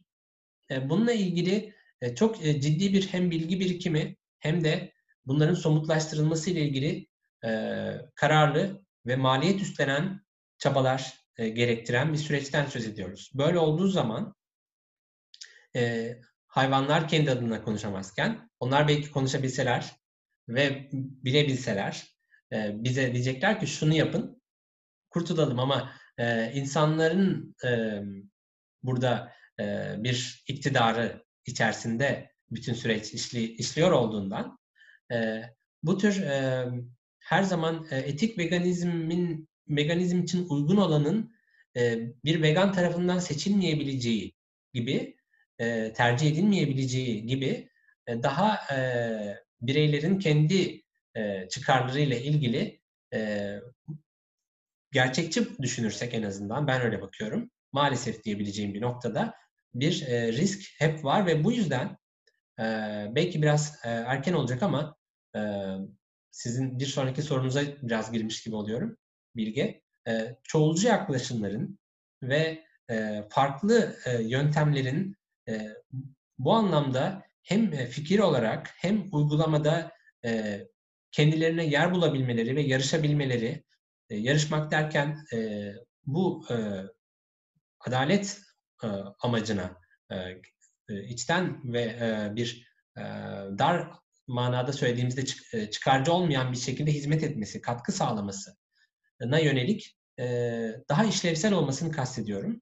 Bu tür bir yarışmada, e, bu tür bir e, özgür e, kendini ifade etme ve gerçekleşme ortamında böyle bir kültürde e, daha e, başarılı olabileceğimizi hem bireysel olarak hem hareketler hem kurumlar olarak vegan etiğinin e, etik veganizme ait e, vegan etiğinin gerçekleşmesinde ve yine bu bağlamda sosyal adaletin tıpkı feminist hareketlerde, tıpkı e, otoriteryen rejimlere karşı politik e, bir e, savunuda, bir sosyal adalet mücadelesinde ya da ekonomik eşitsizliklerle ilgili bir sosyal adalet mücadelesinde olduğu gibi veganlıkla ilintili e, ortaya koyabileceğimiz e, tüm yaklaşımlarda da bu tür bir e, çeşitliliğe e, bizim istekli olmamız bence çok ciddi bir avantaj yaratır. Yani bu noktada vegan hareket içindeki insan teklerinin bizzat e, adaletsizliği yaşayanlarla partnerlik edememesinin mücadelesinde çok geniş anlamda kullanıyorum ben de siz de öyle kullandınız. Ciddi bir maliyet getirdiği ile ilgili değil mi değerlendirmemiz bu konuda e, e, bu çok daha fazla sorumluluk, çok daha fazla bilgi, e, çok daha fazla zaman ayırmak belki, çok daha titiz temellendirmek gibi e, birçok sorumluluğu e, hem arttırıyor e, niceliksel olarak hem de derinlik nitelik olarak da arttırıyor.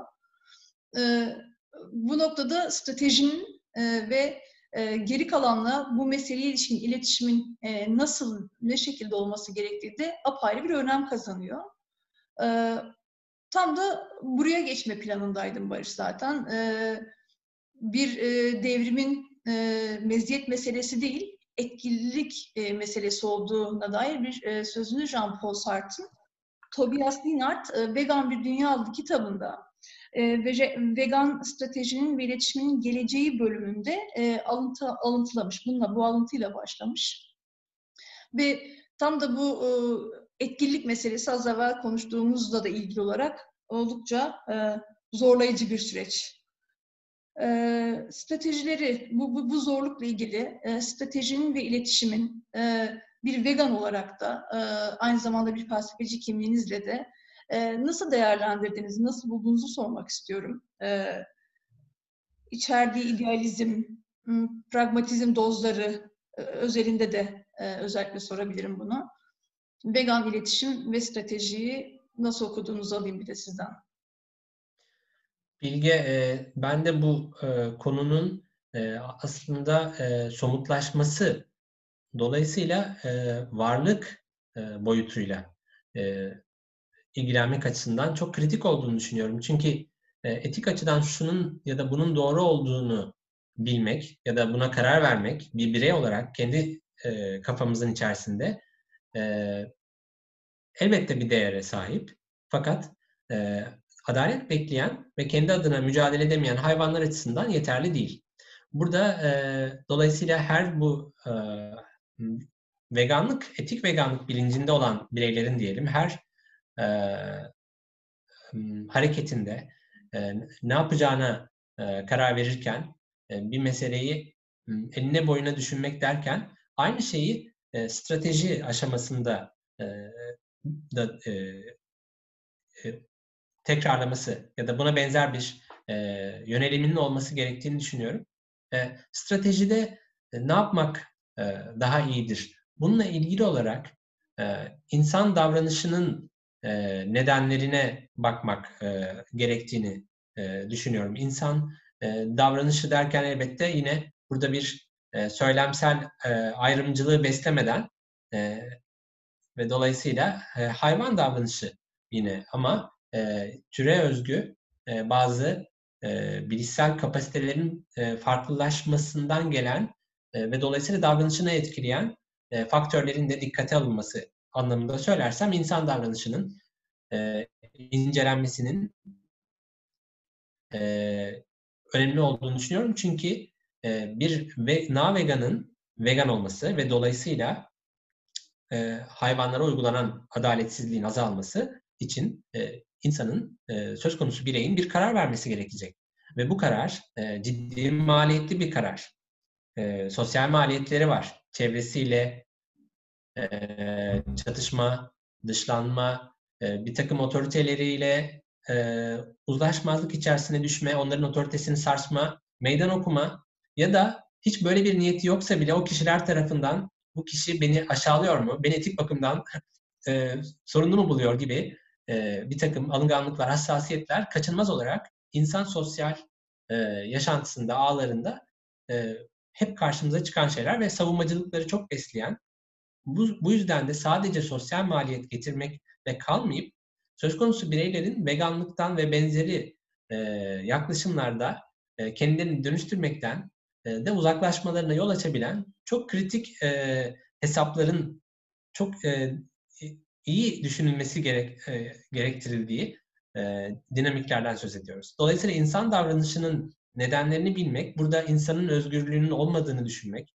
e, insanlar kendi yaşamlarının öznesi değildir gibi bir e, kaba bir e, indirgeyici yaklaşım içerisinde olmak anlamına gelmiyor.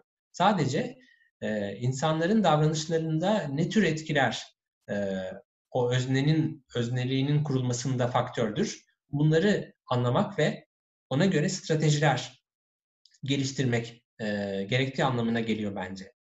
Bu şekilde baktığımız zaman e, Tobias'ın e, kitabında da belirttiği gibi e, iletişimde e, savunmacılığa ve dolayısıyla e, söz konusu bireylerin değişimi açıklığını azaltacak e, çeşitli e, etik e, akıl yürütmelerden uzaklaştırıcı e, bir takım e, suçlayıcı ya da e, negatif e, iletişimlerden e, belli ölçülerde kaçınmanın avantaj sağlayabileceğini ama yine insan davranışını anlamak dolayısıyla da belli ölçülerde de bu tür e, etik e, meydan okumalarında e, avantaj sağlayabildiği dolayısıyla yine her durumu, her e, e, bireyi kendi içerisinde değerlendirebilecek çok ciddi bir e, insan e, insan anlayışı ve davranış bilimi e, birikimini e, aktivistler olarak da e, kendimizde geliştirme çabasında olmalıyız diye düşünüyorum. E, ve bunun politika kısmına, hukuk kısmına bakarsak zaten orada profesyonellerin kesinlikle e, davranış bilimi e, e, uzman katkılarını çalışmalarına dahil etmesi e, tartışmasız e, bir e, gereklilik bana göre. E, bu şekilde değerlendirirsek sadece e, Tobias'ın e, bahsettiği yaklaşım içerisinde de kalmayarak e, ifade edersem e, ve e, örneğin çok değerli e, noktalara değiniyor e, davranışsal psikoloji açısından ve davranış bilimleri açısından e, dürtme e, diye dürtü, dürtme diyebildiğimiz nudge teorisi e, Richard Taylor ve Cass Sunstein'in e, Nobel ödülü almasını da e, almasını da getiren ve bu e, bu yaklaşımda e, seçim mimarisinin mimarisindeki farklılıklar yani çevremizde örneğin ne kadar e, vegan ürünün e, erişilebilir olduğu ve bunların ne kadar satın alınabilir e, olduğu ve benzeri faktörler bile bir bireyin davranışlarını değiştirmekte ve dolayısıyla sonrasında da sadece bu faktörle değil tutumunu değiştirmekte rol oynayabiliyor ve bu da kişinin değişime açık olmasında faktör olup daha sonrasında kendi etik yargılarına eleştirel bir e, yöne girebilmesini ve belki ileride sadece e, belki ilkenin sağlık gerekçelerini dikkate alarak e, sağlık vegan iken sonradan etik veganı olabilmesini sağlayabilecek e, bir e, dönüşümü getirebilecek e, o küçük küçük e, katkılarda insan davranışının e, doğasını e, gözlemlediğimiz zaman, o nedensellikleri araştırdığımız zaman anlayabildiğimiz konular. E, burada tabii bu e, yaklaşımları yani davranış bilimlerindeki bu yaklaşımları e, kabul ediyor olmak gerekiyor. Bu yaklaşımları kabul etmeyen bir birey elbette bunları da reddedebilir. Bu konuda felsefece bir açıklık, bir e, hoşgörü içerisinde olmamız gerektiğini düşünüyorum. Ancak ben kabul eden taraftayım. İnsan doğası ve davranış bilimlerinin bu tür nedensellik soruşturmalarını. E, ve özne ile ilgili bir ifadeniz oldu Bilge. Ona da e, çok geride kalan bir soruydu ama çok kısa değinmek istiyorum. E, ve tanımda tam da en önemli doğru kısımdı e, bana göre. Tan- tanımı biraz yetersiz bulmuştuk hatırlarsanız. E, hayvanlar e, aynı zamanda sosyal varlıktır. E, kültür aktarabilirler. Bunlarla ilgili son zamanlarda etnografik, antropolojik pek çok çalışmalar var. Etoloji bize bu konuda yeni veriler sağladı vesaire. Ama e, burada e, katılmaz, katılmadığımız e, tanımın, bu yaygın tanımın e, içerisinde çok değerli bir kısım var. İnsan olmayan hayvanlarda öznedir ve kendi öznel yaşantıları e, var. Onlar da dünyayı bizim algılamadığımız gibi algı, algılıyor. Bu ne demek?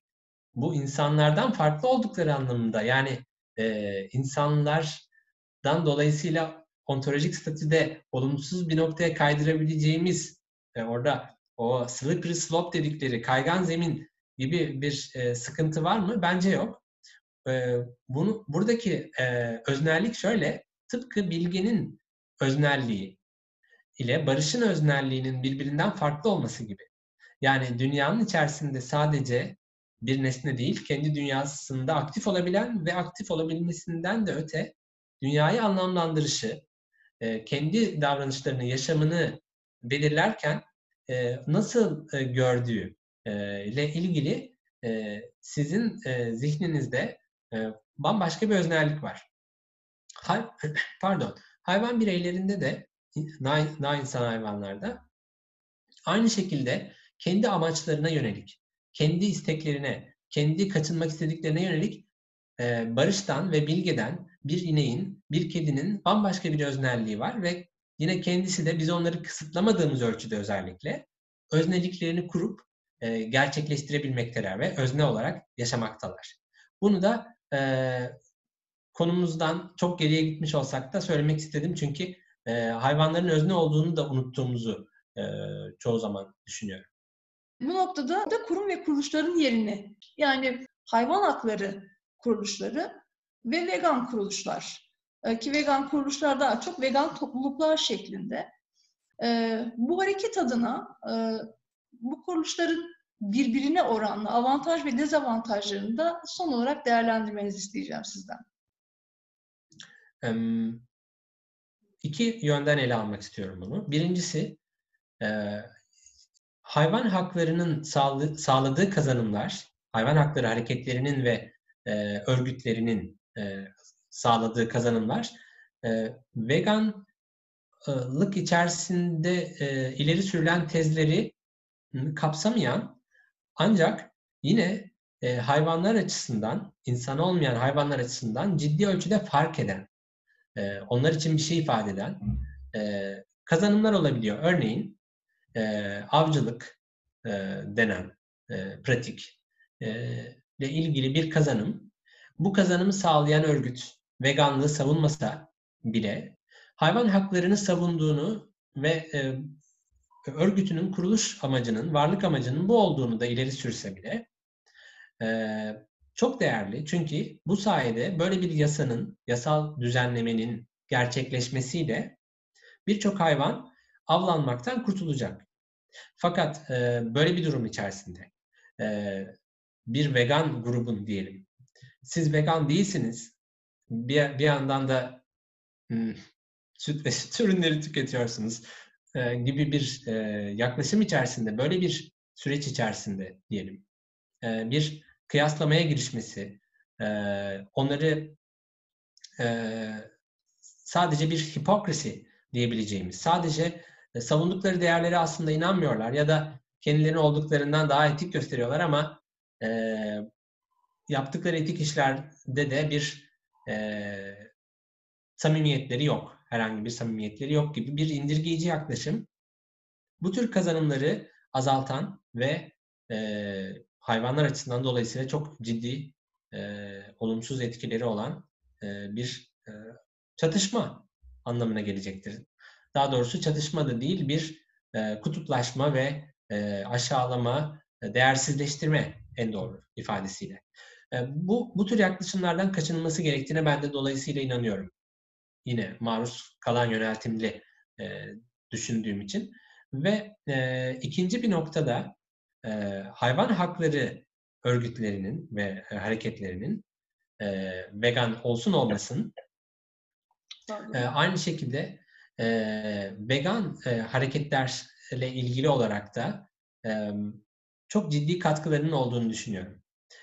Çünkü bu kazanımlar yani söylemin dönüşmesi, anlatının dönüşmesi, hakların devletin tanıdığı haklar olarak.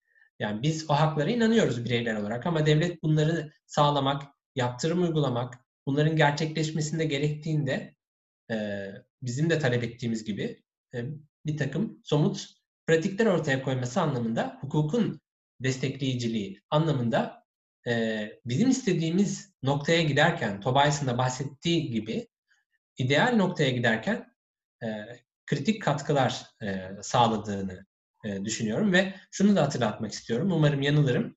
E, herkes vegan değil ve herkes e, vegan olmay- olmayabilir önümüzdeki yüzyıl içerisinde. E, böyle baktığımız zaman e, ya da daha kötü, daha farklısını söyleyeyim, kötüsü değil. E, veganlık yasaklanamayabilir, hiç, na veganlık yasaklanamayabilir pardon. Yani e, insanların hayvanları yemesi, tüketmesi, sömürmesi e, bütün dünyada yasaklanan bir e, durum, hukuki bir durum haline gelmeyebilir. Böyle bir durumda da işte e, diğer kısmın önemi çıkıyor. Yani haklar yönünde e, bir ilerlemeyi sağlayan e, hayvan hakları örgütlerini e, örgütlerinin yanı sıra vegan vegan olmak insanların bu hakları bireysel yaşamlarında hiçbir hukuki dayatma olmaksızın yasalar bunu e, zorunlamaksızın da bu tür ada, adalet kaygılarıyla hayvanların e, esenliğini ve özgürlüğünü düşünüp ona göre davranması şeklinde bir e, etkiyi, bir kültürü inşa ederken e, vegan e, örgütlerin, e, aktivistlerin bireysel olarak da herhangi bir e, hareket içerisinde de bulunmayabilirler.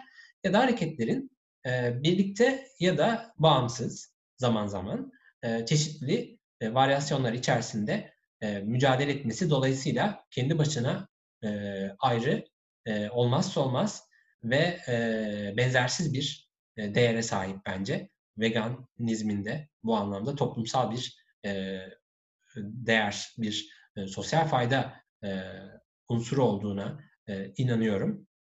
Bunlara ilaveten de e, veganlığın e, e, haklar, e, hayvan haklarıyla kesiştiği bir nokta var.